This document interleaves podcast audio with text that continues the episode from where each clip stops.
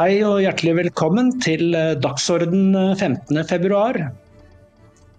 I dag skal vi innom litt uh, forskjellige temaer, og mange av dem handler om uh, et forfall som vi ser over hele Europa. Og For å diskutere dette her, så har jeg med meg Kristian Skaug fra Bari. Velkommen, Kristian. Takk for det. Ja, Vi skal starte i Tyskland. fordi at uh, vi, har, vi, diskuterte det her ganske nylig, det med antistatlige holdninger og slike ting. Og angrepene som uh, politikere driver med mot uh, folk som ifølge dem ikke har korrekte politiske meninger. Vi ser jo det også i USA, ikke sant, mot uh, republikanerne som støtter Trump. Og nå er, nå er det Tyskland sin tur. Og da er det altså Nancy Facer hun er altså sjef for innenriks sikkerhet, hvis jeg har forstått det riktig. Og du skriver i dag også tyske sikkerhetsmyndigheter går nå til felts mot antistatlige holdninger. Så sier hun eh, Facer enhver som forhåner staten må få med en sterk stat å gjøre.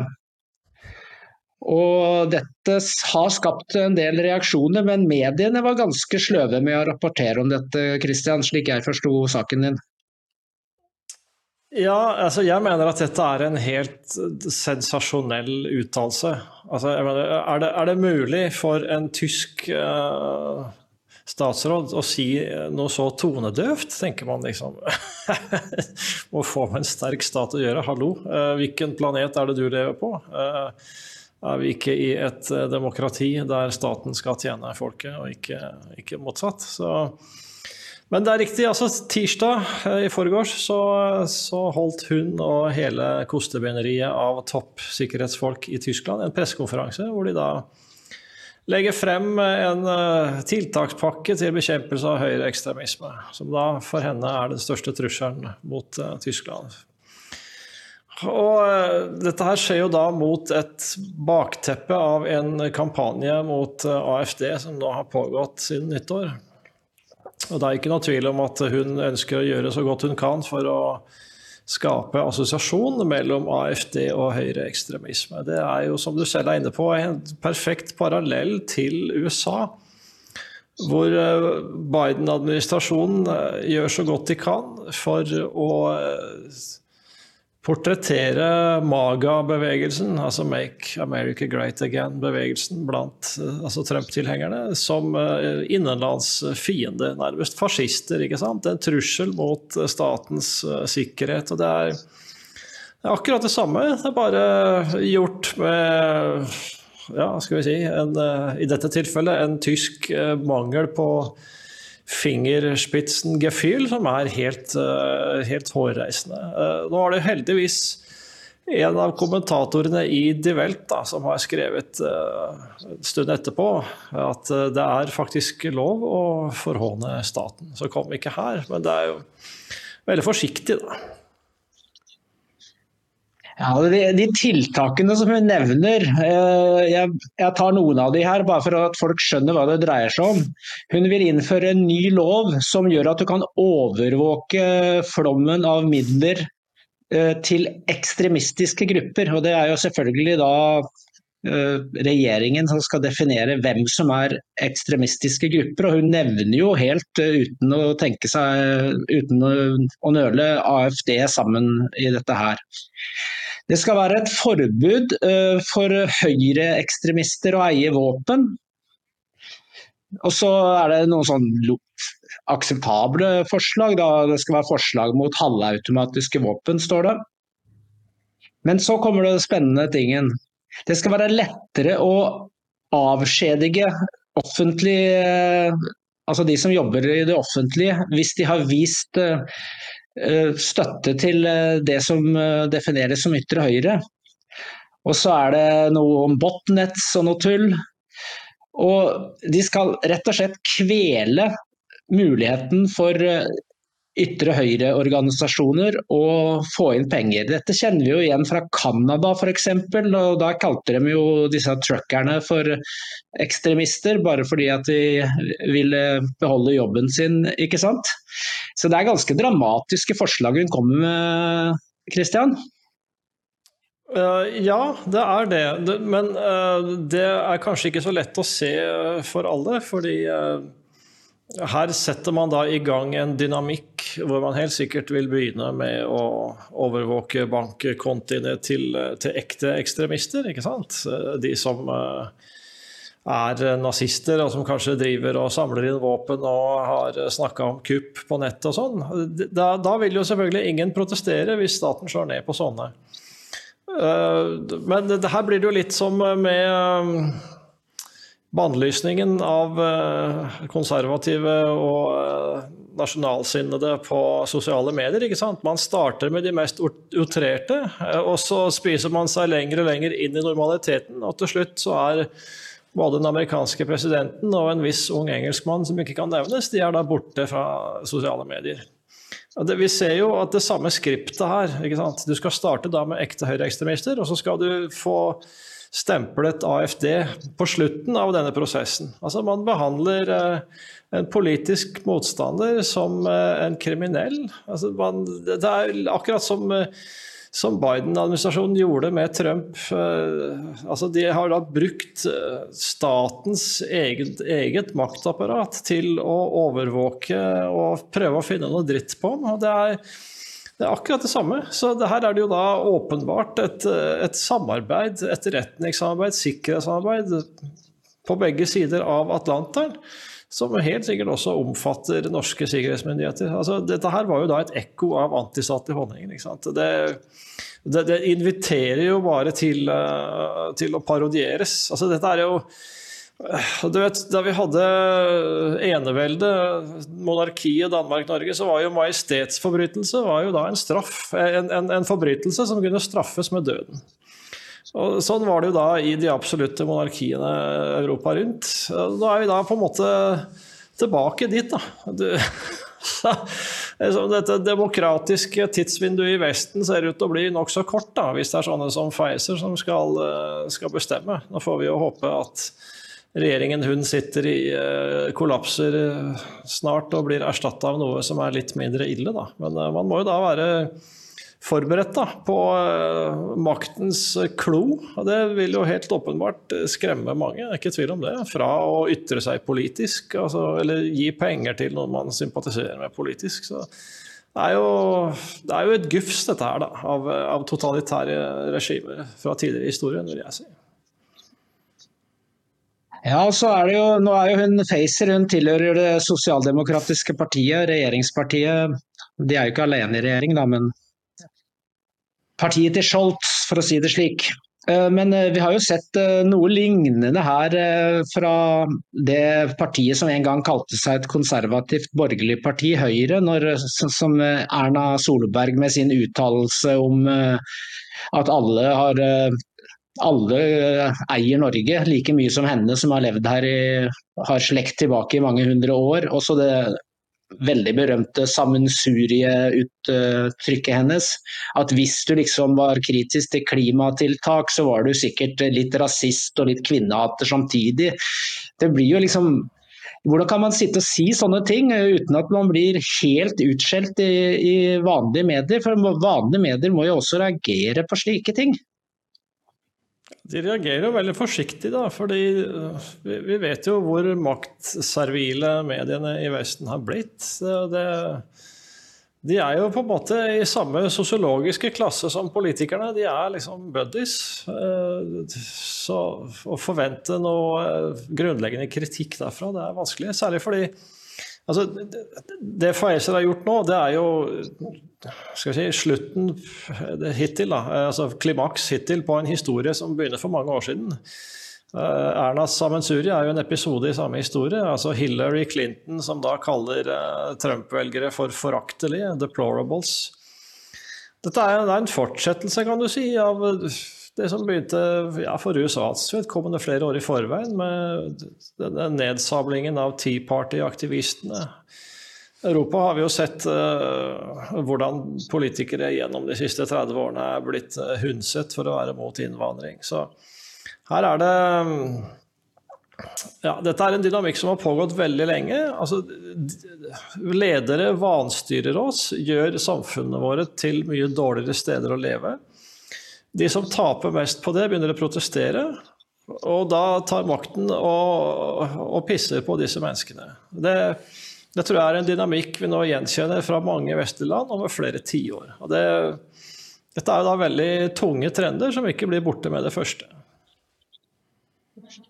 Jeg kom til å huske på Biden nå, som kom med den uttalelsen at uh, hvis, du, hvis, du, ikke stemmer på meg, så har du ikke mørk hud, liksom. Det, det er også et eksempel på sånne helt hårreisende uttalelser som egentlig burde gjøre han eh, uegna for å i det hele tatt stille til valg, slik jeg mener det. Men det er det med vannstyret. ikke sant? Altså, selvfølgelig så reagerer borgerne når man opplever at ting etter ting går helt uh, galt. Og Her er jo innvandringen et uh, veldig godt eksempel. Det er vel ikke lenger slik at det går an å late som at ikke innvandringen, hvis vi bare tar Europa, da, at ikke det har ført til rene katastrofer, enorme kostnader og et splitta samfunn. Det er jo gått så langt at til og med sosialdemokraterne i Sverige innrømmer det, men tiltakene er jo helt håpløse, selvfølgelig. Da må man bli bedre på integrering, og det har vi hørt så mange ganger før. Så hvor, hvor, hvordan mener de at folk som bare opplever at de blir fattigere av alle disse eh, sinnssyke politiske tingene som skjer, så skal de bare godkjenne det? Det er jo ikke slik politikken virker. Ja, Den burde ikke virke sånn, da. Men uh, det er vel fremdeles uh, sånn at de som virkelig lider uh, under dette vanstyret, at det er fremdeles en minoritet, en voksende minoritet. Men altså hvis det er 20% som stemmer på AFD, så er jo det veldig mange mennesker å utrope til fiender. og det det betyr jo da kanskje at globaliseringens tapere i Tyskland uh, har nådd et nivå på kanskje 20-30 da. Det, så jeg mener dette her burde representere et dilemma for samfunnets vinnere. Altså, Hvordan klarer de å sitte og se på at det er så mange av deres egne landsmenn som, uh, som lider under politikken som føres? Altså, det, det, det vitner jo da også om den fantastiske arrogansen hos de som pisser på velgerne. Altså, her har de da gjort så godt de kan for å, å, kjøre våre samfunn i dass, og så skal de ha seg frabedt å få passet sitt påskrevet for det de har gjort. Altså, det er jo det, det, det, da blir jo på en måte samlivet mellom borgere og staten det blir jo da som å være i et tvangsekteskap med en psykopat. Altså Psykopaten har all makt og har brukt den makten til å gjøre livet surt for deg, og så får du liksom servert i retur at nei, det er din skyld. Det, er, det, er, du som er trusselen mot samfunnet. Altså Dette er, uh, dette er en oppskrift på konflikt. Altså Dette er, uh, en konflikt som har på en måte ligget og gjæret og, og vokst uh, og ligget og ulmet i, i flere tiår, så vidt jeg kan skjønne. Ja, og så kan vi jo ta noen eksempler eh, fra Norge, da. Vi har jo en interessant eh, sak som pågår i Drammen. For der har jo kommunestyret, eller bystyret, jeg vet ikke hva de kaller det der nede, de har jo da øh, vedtatt det var vel Høyre, Frp og KrF, hvis jeg husker riktig. De har vedtatt at fra og med nå så skal de kun ta imot flyktninger fra Ukraina. Og Årsaken til dette her kjenner jo alle som har uh, fulgt med på utviklingen i Drammen. Men uh, som John Martin skrev tidligere i dag, så er det jo umiddelbart rasismeanklager, ikke sant. Og, og, nå Støre var jo ute og snakka om at det var ulovlig, men nå er det iallfall definert at det skal avgjøres av hun statsforvalteren hun eh, gamle KrF-politikeren som jeg glemmer eh, de tre navnene på i farta. Men det husker sikkert du. Og eh, dette her er jo da et forsøk da, på å gjøre noe med et massivt problem, og da blir du angrepet med en gang. Ja, ikke bare fra Støre, men også fra, fra Erna Solberg. Altså, som straks er ute og moraliserer, selv om det da er lokalpolitikere fra hennes eget parti dette er jo en uvane som eh, Erna Solberg har vist i mange år, egentlig. Altså når det først er e, et eller annet tegn til eh, at det er intelligent liv i Høyre, så er hun da ute med kjeppen med en gang for å prøve å slå det ned. Så jeg, Jeg vet ikke helt hvor lenge vanlige, fornuftige høyrefolk har tenkt å, å, å finne seg i. Altså bli, bli liksom undertrykket av, av denne forferdelige lederen der. Så man må jo håpe at det snart kommer et opprør mot henne. Det vil jo være på høy tid. altså. Valgjerd Svarstad Haugland var navnet på denne statsforvalteren. Men dette her, det her ser vi jo på alle felt. Og jeg tenkte vi skulle snakke litt om skolen, for der har det vært noen interessante saker. Vi har skrevet om en av disse. Eh, det er en eh, lektor som eh, heter Morten Brekka. Bratt, Brattbakk. Morten Brattbakk. Han har skrevet en ganske så rasende artikkel i VG i dag, hvor han det med å gi feil folk skylda. Han sier at læreren har fått skylda for skolens forfall hele tiden, mens det er eh, altså myndighetene og pedagogene, som han absolutt ikke har noe som helst respekt for, som har tvunget på dem disse eh, løsningene. F.eks. at barn skal lære seg selv og alle skal være fri. du, Vi har tidligere snakket om, og jeg har skrevet om dette at elever har liksom alle rettigheter og ingen plikter. Og Det er ikke så lenge siden at en kjente hun kaller seg finne, feminist og forfatter, altså Sanna Saroma, men hun var jo også lektor. Og Hun har også slutta i skolen, rett og slett for at hun ikke følte seg trygg lenger. Så hun skal begynne å skrive for eh, Minerva isteden. Hun sier det i en artikkel som jeg leste for en stund tilbake, at hva var den største motivasjonen? Jo, det var det å bare kunne gå på jobb og føle seg trygg. Og så kommer det med forslag til løsninger som er akkurat mer av det samme. Og dette her eh, må barna våre tåle. Det er ikke rart at foreldre reagerer, Kristian? Ja, gjør de det, da? Altså, jeg synes det, det, Når man ser på tilstandene i, uh, i, skolen, så burde det jo vært et massivt opprør. Uh, altså, ikke bare det at man uh, har kastet vrak på, på, gamle læringsstandarder. Men eh, når det rent faktisk begynner å bli fysisk utrygt for barnet ditt å gå på skolen uh, altså, Eller at når det fenomenet da griper om seg i mye større grad enn tidligere altså Det er jo noe voldsstatistikk fra Oslo fra skolen i Oslo som er helt hårreisende. Altså, det, er, det er jo da snakk om uh, altså 10-20 hendelser uh, i hovedstaden hver eneste dag i gjennomsnitt. Det er jo sjokkerende høyt. Det, det burde egentlig ha avfødt ramaskrik. Det er mulig foreldre har reagert, men jeg har ikke registrert noe ramaskrik, i hvert fall. Så det, det, dette burde jo være på en måte mye mer debattert, for det er jo tross alt masse lærere som går på jobb hver dag.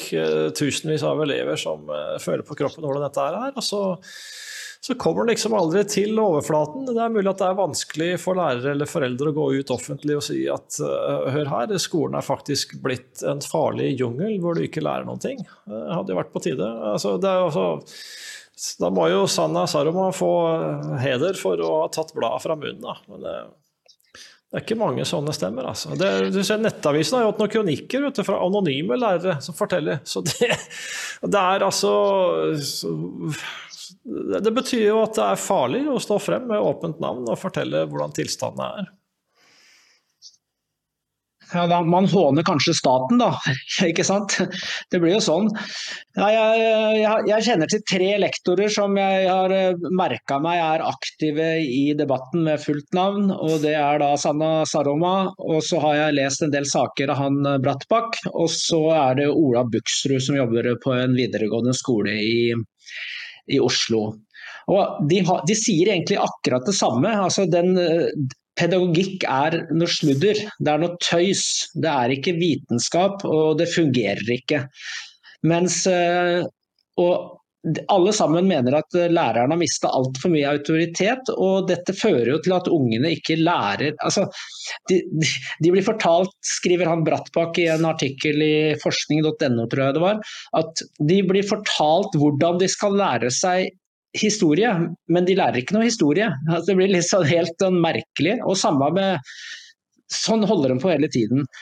At istedenfor å bare og så skal de velge selv hva de skal bli gode på og sånne tulleting. Altså det, du må jo ta det grunnleggende i det minste. Så kan du selvfølgelig ha valgfag og noe man spesialiserer seg i. Men altså, norsk, matte, engelsk og samfunnsfag, det må jo alle lære.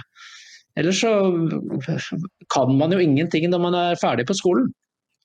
Altså, pedagogikk burde jo ha vært eh, en respektabel fagdisiplin, det eh, også, som mange andre. Eh, men er det jo åpenbart ikke eh, lenger. Eh, altså, pedagogikkfaget i Norge i dag er vel en rykende ruin, egentlig. Og sannsynligvis uh, uopprettelig sådan. Altså, her har vi jo igjen lange historiske linjer. Vet, uh, hvis vi går tilbake til uh, ja, fra tiden før du og jeg ble født, da, så, så hadde du en, en, skole som kanskje også med rette ble anklaget for å være autoritær, da, og med, med for mye vekt på, på, pugging og latin og sånn. Man har denne kjente skikkelsen til, til Kielland som dør av en overdose latin. Og så får du da en, en reaksjon mot dette her, da, som da også forsterkes av 68-opprøret og alt dette her. hvor hvor skolen blir mye mer liberalisert og mindre autoritær. Og man, men du får jo da, Noe av det er sikkert bra, at man er mindre autoritær, men så kommer det så mye sludder med på lasset. sånn som dette her med ansvar for egen læring. Hallo. Altså, det, Skolen er basert på en idé om at uh, barna er uh, uferdige i kunnskaper og holdninger, og kommer da til en institusjon som forvalter disse tingene, som skal formidle dem. Uh, så at, at, barna liksom skal sette læringsmål, eller det, det er det er å snu helt på huet. ikke sant? Det blir som i, i, i sangen 'Bakvendtland' av Alf Prøysen. Det er da blitt en, en realistisk beskrivelse av av samtidens Norge. Sånn, sånn, burde det absolutt ikke være. En annen ting som har ødelagt, er jo det Reform 94-opplegget, hvor man fjernet en hel rekke konkrete kunnskapsmål fra skolen. Og erstatta det da med generelle vendinger, uh, som gjør at man kan vanne ut til det ugjenkjennelige. Og det så kan si, Dette er jo ett av flere sivilisatoriske trekk, eller antisivilisatoriske. Jo mer av dette her som, som, skjer, desto mindre er det da igjen av vestlig sivilisasjon oppi hodene på de som forlater skolen. Og det er synd. Ja, og så er Det jo, det står jo ikke så mye bedre til i akademia, det har vi også hatt noen eksempler på med plagiatsaker osv. Jeg leste i en sak her om dagen at det er altså en kar, Martin Taulov heter han. Han er veldig intelligent, tydeligvis, det står iallfall det i TV 2. Så han får 60 000 kroner for å skrive, master, skrive masteroppgaven for eh, folk. Og det, han sier det, hele systemet er ødelagt, men han trenger pengene for han bor i et utland og har ikke noe jobb der. Da. Så det, Dette er bare et, som et symbol på hvor, hvor, galt alt har blitt. Så ja, Jeg vet ikke om du har noen kommentar til dette her, Kristian, men Ja, altså Jeg vil dra en sammenligning da med sivilisasjonsforfallet ved Romerrikets fall. Du har en, har en sivilisasjon eh, som er høyt utviklet eh, på mange områder. altså Pionerer på lovgivningens område, bygde veier. Det er en høy sivilisasjon som faller. og erstattes da av kaos og, og vold. Altså, historien mellom 500 og år 1000 det er, vel, er vel en eneste lang, vold, lang voldsorgie. Eh, men eh, bak alt dette her så ligger det et åndelig forfall. Altså de, de, tingene som man ble lært opp til å verdsette, det, det læres ikke opp lenger. Så jeg vil jo da si at vi er inne i en slags moderne middelalder.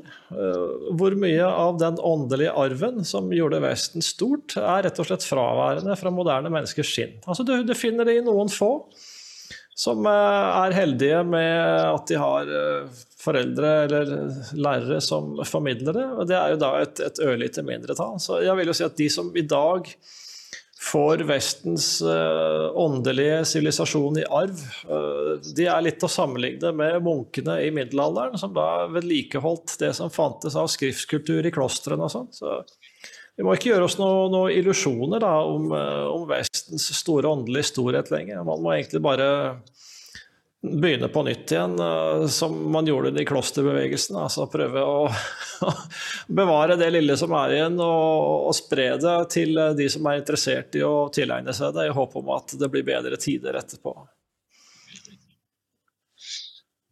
En litt morsom parallell til Romerrikets eh, undergang og det som vi opplever nå, var jo det at det ser veldig idyllisk ut i dag når du reiser rundt og disse såkalte hilltop villages, altså disse landsbyene som ligger oppe på sånne fjelltopper rundt omkring, og gjerne med mur rundt og så alt mulig. Men altså, under romertiden, når romerne hadde kontroll, så bodde folk på flatmark. Men de kunne ikke det etter at Romerriket falt, for da ble de bare kidnappa sjørøvere, mange av dem fra muslimske land, etter hvert. da. Og Derfor bygde de eh, disse, og da oppsto jo også føydalismen, ikke sant? hvor man eh, stengte folk inne slik at man både kunne beskytte mot inne, invasjonsstyrker, og man kunne også kontrollere de som eh, bodde i landsbyene. Og eh, Nå oppstår jo også sånne lignende ting rundt omkring. Vi har eh, De rike de bosetter seg gjerne i sånne gated communities. Du kan jo se på Soros, han vil ikke ha noen mur. Det gjelder ikke bare han, det gjelder en hel rekke som var, protesterte mot muren langs grensa til Mexico. Men når du så boligene deres sine egne boliger, så hadde de fem meter høye murer og fullt vakthold. ikke sant? Så det er, eh, det er noe lignende som skjer der. Så dette er, eh, er, ganske skremmende, og fordi, nettopp fordi at middelalderen varte så lenge og var så brutal. Og i dag så har vi jo enda større trusler da, med de våpnene som eksisterer i dag. Det, men det er håp. Men vi trenger en åndelig revolusjon, og man må bare starte. Det er uh, disse, disse landsbyene som du snakker om, som ser ut som eh, festninger. ikke sant? Det er, eh, det er som du sier, de, de er idylliske i dag, men de, de, var jo sikkert ikke så visuelt annerledes på den tiden. Men det er jo klart når du har bevisstheten om at uh, i dag så trenger du ikke være redd for at noen slår inn skallen din når du går utafor den muren, så er det klart at det hjelper jo godt på idyllen. Da. Så, men uh, jeg vet ikke. Hvis de rike flytter inn i gated communities, så er kanskje den risikoen i ferd med å øke for oss også. Mm. Ja, Vi skal uh, avslutte med å snakke om noe annet. og Det er fortsatt forfall som er tema. Alistair eh, Heat eh, skrev en kommentar i Han er redaktør for Sunday Telegraph. Da, så skrev han en kommentar i Telegraph om hvor han rett og slett han, han sier nesten at han har mista alt håp. Storbritannia nærmer seg undergangen, skriver han. Og sånn noenlunde sitat er at for første gang i mitt liv begynner jeg å tro at Storbritannia er ferdig. Landets selvbilde som tolerant, anstendig og hardtarbeidende er i ferd med å bli knust, og det kommer bare til å bli verre. Så går han gjennom en hel eh, haug av uh, saker som forfaller, helsevesenet forfaller og bla, bla, bla. Så syns, men så avslutter han med jødehatet, da, som han syns er det verste og mest truende. Jeg vet ikke om du har fått lest artikkelen, eh, Christian? Ja, Alistair Heath har jo, eh, virker som han er inne i en rimelig pessimistisk eh, periode. For det er vel ikke så mange dager siden han skrev en annen artikkel hvor han skrev at 'Europe is finished'. Så nå har han vel da kommet til at det gjelder Storbritannia også. Og jeg vil jo tro at uh, når han nå er blitt ekstra pessimistisk også på Storbritannias vegne, så har det jo selvfølgelig med antisemittismen å gjøre. Altså hvis, hvis ikke engang Storbritannia uh, klarer å stå opp mot antisemittismen, uh, altså hvem, hvem, skal da gjøre det, liksom? Så det, det, ble jo på en måte Jeg vet ikke Strået som brakk uh, kamelens rygg, dette her. Mm. Altså, han peker på noe som vi også har pekt på gjentatte ganger. Altså, Det er ikke slik at uh, når, når, man opplever dette angrepet på jøder, så er det ikke slik at, de, at det er bare de som er potensielle ofre. Fordi vi er the next, ikke sant. Og ikke, ikke de neste engang. For at, så, som i Storbritannia så har de allerede hatt flere relativt store terrorangrep. Det, det begynte jo allerede var vel i 2005, hvor det var det metroangrepet. og så det grusomme angrepet i Manchester f.eks., og det har vært flere eh, terrorangrep i London. London Bridge f.eks. Så det er klart, det var ikke noe angrep på jøder. Så her er det en bevegelse hvor jødene akkurat nå er eh, de største målene, men eh, det kommer ikke til å stanse med de. Ja, altså Antisemittismen eh, vitner jo egentlig om et åndelig forfall som stikker mye dypere enn resultatet av, av noen terrorhandlinger. Altså det, er klart, det, det, er ikke terrorismen som, som ødelegger uh, Europa. Det er uh, alle de holdningene, tankene som baner veien for et samfunn der terrorismen kan lage rede. Altså, antisemittisme hvis, hvis, du, hvis, du, hater jøder i dagens Vesten, og du, tol du tolererer andres jødehat For det er jo jødehat vi snakker om når man uh, holder Israel ansvarlig for en standard som man aldri ville anvende på andre. Så har du på en måte brutt en, uh, en forbindelseslinje i vår kultur. Altså, det, hvis vi tenker på at eh, de ti bud var eh, det si, moralske grunnlaget for vår sivilisasjon, så ble jo da det gitt til, til, jødene. ikke sant? Eh, kristendommen springer ut av jødedommen. Jesus var jøde. Altså, hvis du, hvis du gjør det jødiske folket til, til din fiende, eller du lever greit med at det er andre i din midte som gjør det til en fiende, da har du på en måte kuttet røttene til den sivilisasjonen som du lever på restene av, da. la oss si det sånn. Eh, det er rester vi snakker om. Og det, det, det vitner om at den konservative måten å tenke på egentlig er død. Altså, Hva er en konservativ? Det er ikke først og fremst en som vil ha lavere skatt og sterkere forsvar. Det er, en, eh, en væremåte der hvor du tenker at du er takknemlig for alt det du har arvet fra dine forfedre når du vokser opp og lever og virker i et eh, noenlunde godt samfunn. Det, det, var ikke vi som eh, bygde festningsmurene og kloakknettet. Altså, vi, vi, blir født inn i helt storslagne greier, sånn historisk sett. Eh, vi som er konservative, vi, vi, er takknemlige, og vi ønsker å forsvare det og bevare det. Og det gjelder jo da ikke bare det fysiske infrastrukturen, men også den åndelige infrastrukturen som skapte alt dette her. Mens de som er radikale, de syns jo at alt det som er nedarvet åndelig, det er bare noe søppel. Altså sannsynligvis noe rasistisk og kvinnefiendtlig og jeg vet ikke hva. Så det der står egentlig striden, sånn jeg ser det, altså, mellom eh, de som eh, vil eh, kansellere, slette, kutte over båndet til fortiden, og de som vil beholde dem. Ja, da, det er det jeg er veldig enig i, Kristian. Jeg kom bare til å tenke på et eksempel på hvordan vi roter det til med innvandring i Norge. I jeg glemte å si det i forbindelse når vi snakka om Drammen. Uh, altså, de vil ha ukrainere og ikke andre flyktninger. Det er greit nok, det. De, de vil tro ganske mange nordmenn syns det høres fornuftig ut.